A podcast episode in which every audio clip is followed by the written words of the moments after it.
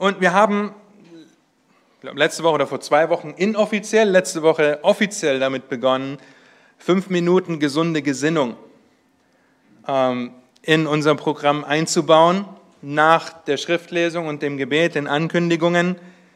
Letzte Woche hat Daniel uns aufgezeigt, dass wir Kinder des Lichts sind und dass das Licht mit der Finsternis nichts zu tun hat. Und heute habe ich das Vorrecht, das Thema ein bisschen zu wechseln. Ja, nicht über die täglichen Herausforderungen eines Lebens in der aktuellen Situation zu betrachten oder es schon zu betrachten, aber aus einer ganz bestimmten Perspektive. Heute ist nämlich Muttertag. Okay, und ich habe darüber nachgedacht, wie, was kann ich sagen, was ist überhaupt adäquat und angebracht, denn Mütter, ihr tut einen phänomenalen Job, ja, und ich habe so nachgedacht und die Frage, die ich mir gestellt habe und die ich euch stellen möchte, ist, was haben Paulus und Gott gemeinsam, wenn sie an die Hingabe, an den Trost, an das Erbarmen denken, das sie gegenüber anderen verspüren? Könnt das aufschlagen, wenn ihr wollt, wenn nicht, dann hört euch das an. Jesaja 66, dort spricht Gott über die Wiederherstellung und das Heil für Jerusalem. Wenn Jesaja schreibt in Vers 12 und 13, denn so spricht Jahwe, Siehe, ich will den Frieden zu ihr hinleiten, äh, zu Jerusalem, wie ein Strom und die Herrlichkeit der Heidenvölker wie einen überfließenden Bach, und ihr sollt gestillt werden. Man wird euch auf den Armen tragen und den Knien liebkosen. Man wird das so tun wie einen, den seine Mutter tröstet. Und wie einen, den seine Mutter tröstet, so will ich euch trösten. Ja, in Jerusalem sollt ihr getröstet werden. Nun, wenn ihr ein paar Jahrhunderte weiterblättert in den ersten Thessalonicher Brief, dann seht ihr das Herz, das Paulus dort den Geschwistern in Thessalonich ausschüttet. Und den Vergleich, den er zieht, ist der Vergleich des Mutterseins. 1. Thessalonicher 2, Vers 7 bis 9, da heißt es, sondern wir waren liebevoll in eurer Mitte, wie eine stillende Mutter ihre Kinder pflegt. Und wir sehnten uns so sehr nach euch, dass wir willig waren, euch nicht nur das Evangelium mitzuteilen, sondern auch unser Leben, weil ihr uns lieb geworden seid. Ihr erinnert euch ja, Brüder, an unsere Arbeit und Mühe, denn wir arbeiteten Tag und Nacht, um niemand von euch zur Last zu fallen und verkündigten euch dabei das Evangelium Gottes. Wir wissen, dass Muttersein mit Arbeit und Mühe verbunden ist. Mutterschaft ist ein aufopferungsvoller, ein mühevoller, ein liebevoller, ein trostspendender, ein ermutigender, ein tragender, ermahnender, herausfordernder, ermüdender und ein alles abverlangender Job. Eine Aufgabe, die sowohl Paulus und Gott selbst dazu bewegt, sich mit einer liebenden Mutter zu vergleichen. Heute ist Muttertag. Für viele von euch ist das wahrscheinlich ein Freudentag, an dem ihr von euren Kindern verwöhnt, von euren Männern gewertschätzt wurdet und das nur die Kirsche auf dem Sahnekuchen ist, weil ihr das ganze Jahr zurückblickt und dein Mann sehr darauf geachtet hat, dass deine harte Arbeit, deine Mühe, deine Hin- und Selbstaufgabe von deinen Kindern geschätzt und von ihm gewertschätzt wurde und das jetzt nur noch überschwänglich an diesem Tag zum, Trage, zum Tragen kommt, weil er es nicht selbstverständlich hinnimmt, dass du treu in deinem Hamsterrad läufst und dich jeden Tag mit derselben Mühe, mit derselben Arbeit, mit den wiederkehrenden Aufgaben beschäftigst. Für viele ist dieser Tag aber auch mit Frustration verbunden. Vielleicht weil dein Mann die harte Arbeit und die Mühe nur an diesem Tag wertschätzt. Weil dein Mann es als selbstverständlich ansieht, dass du die Aufgabe der Erziehung übernimmst, während er sich zurückzieht und sein Leben nach seinen eigenen Vorstellungen führt und gestaltet. Nun, Männer, wenn du so ein Mann bist, dann tue Buße. Die Aufforderung an dich, aber heute geht es um Mütter. Für viele kann es aber auch ein Trauertag sein, der mit Verzweiflung, mit Angst, mit Sorgen, vielleicht mit Bitterkeit einhergeht, weil ihr alleinerziehend seid, weil euer Ehepartner ungläubig ist, weil ihr Kinder habt, die fern von euch sind, weil ihr vielleicht euch einen Ehepartner wünscht oder Kinder wünscht, weil ihr darüber nachdenkt, dass und den Wunsch hegt, das Gebet habt, dass Gott euch Kinder anvertraut. Sorgen, ob und wann sowas in die Richtung überhaupt passiert. Nun, ich möchte euch ermutigen, dass wir für euch beten, für jeden von euch beten. Wir dürfen daran denken, dass ihr Mütter, ich muss hier meine Seiten finden, möchten euch ermutigen, die ihr in dieser Sorge, in dieser Angst vielleicht seid, was die Zukunft mit sich bringt. Ich möchte euch ermutigen, Psalm 113 zu lesen und den Herrn zu eurem Lob zu machen, auch wenn das Mühe und Anstrengung kostet.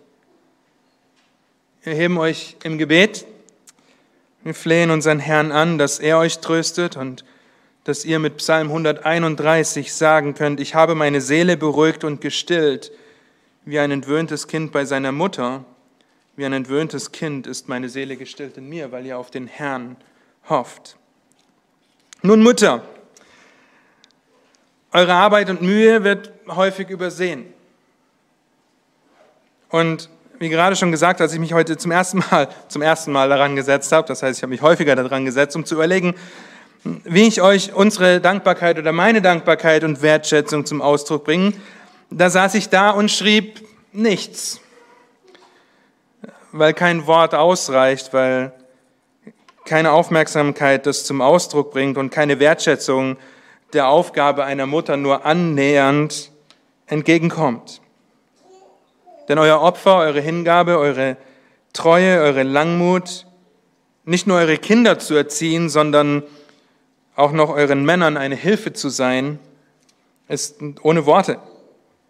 Und Männer, das sollte uns zur Sprachlosigkeit und Unfassbarkeit bringen. Nun aber hier ein Versuch, meine Dankbarkeit für euch Mütter zum Ausdruck zu bringen. Danke für die Strapazen, die ihr bei der Geburt eurer Kinder in der, und in der Schwangerschaft ertragen habt und ertragt. Wir haben einige Mütter hier, die schwanger sind. Danke für die körperliche Versorgung unserer Kinder.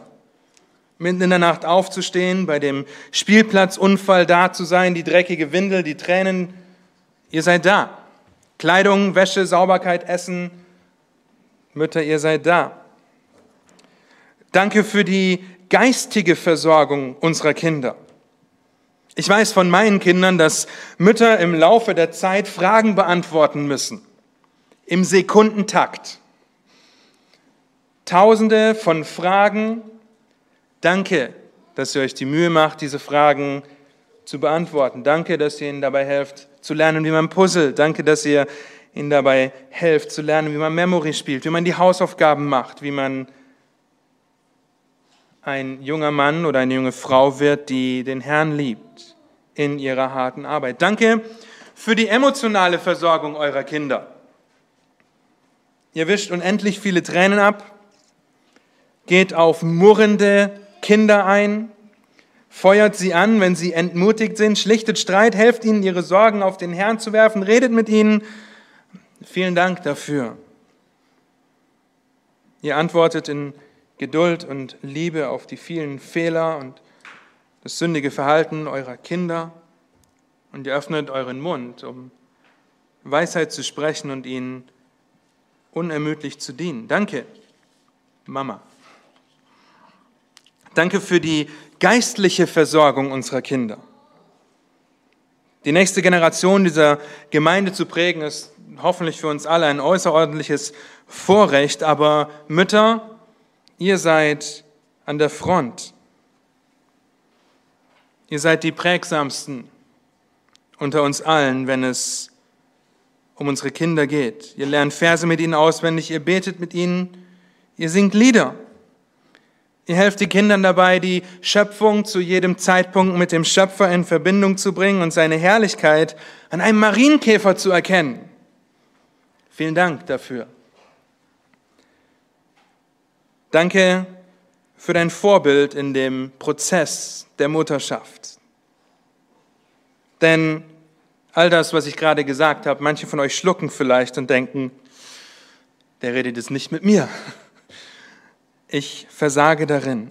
Wenn du als Mutter jetzt mutlos bist, weil du denkst, ich versage so oft darin, dann danke für deine Ehrlichkeit. Keiner ist perfekt, sagen wir so gerne, aber keiner ist perfekt, außer einer. Und auf den dürfen wir blicken. Danke, dass du lernst, deine Wünsche dein Verlangen zu kreuzigen, um Christus nachzufolgen, der für dich vor Gott einsteht als dein hoher Priester. Danke, dass du Ermutigung und Hilfe bei älteren oder anderen Frauen suchst, die dir dabei helfen können, deine Kinder und deinen Mann zu lieben. Danke, dass du dich Tag für Tag diesem enormen geistlichen Kampf aussetzt, wenn du an der Front unseres Missionsfeldes stehst und danach strebst, Christi Botschafter zu sein. Die Realität ist, dass wir nicht perfekt sein müssen, um euch danken zu können, oder ihr nicht perfekt sein müsst, bevor wir euch danken können, denn Christus allein ist perfekt und in ihm gibt es keine Verdammnis für jeden, der auf ihn vertraut. Aber die Realität ist auch, dass wir euch Mütter brauchen. Und ein Danke ist bei weitem nicht ausreichend. Ich bin so dankbar. Ich bin Gott so dankbar, dass eure Kinder bei euch aufwachsen dürfen bei euch, die ihr den Herrn liebt, die ihr ihm nachfolgen wollt, die ihr ihn groß machen wollt im Leben eurer Kinder. Vielen Dank dafür und was für ein Geschenk das ist, dass Gott euren Kindern eine Mutter anvertraut hat, die ihn liebt. Ich möchte mit Salomo schließen, der in Sprüche 31 schreibt, Ihre Söhne wachsen heran und preisen sie glücklich, ihr Mann rühmt sie ebenfalls. Männer, rühmt eure Frauen für die Arbeit, die sie tun. Amen.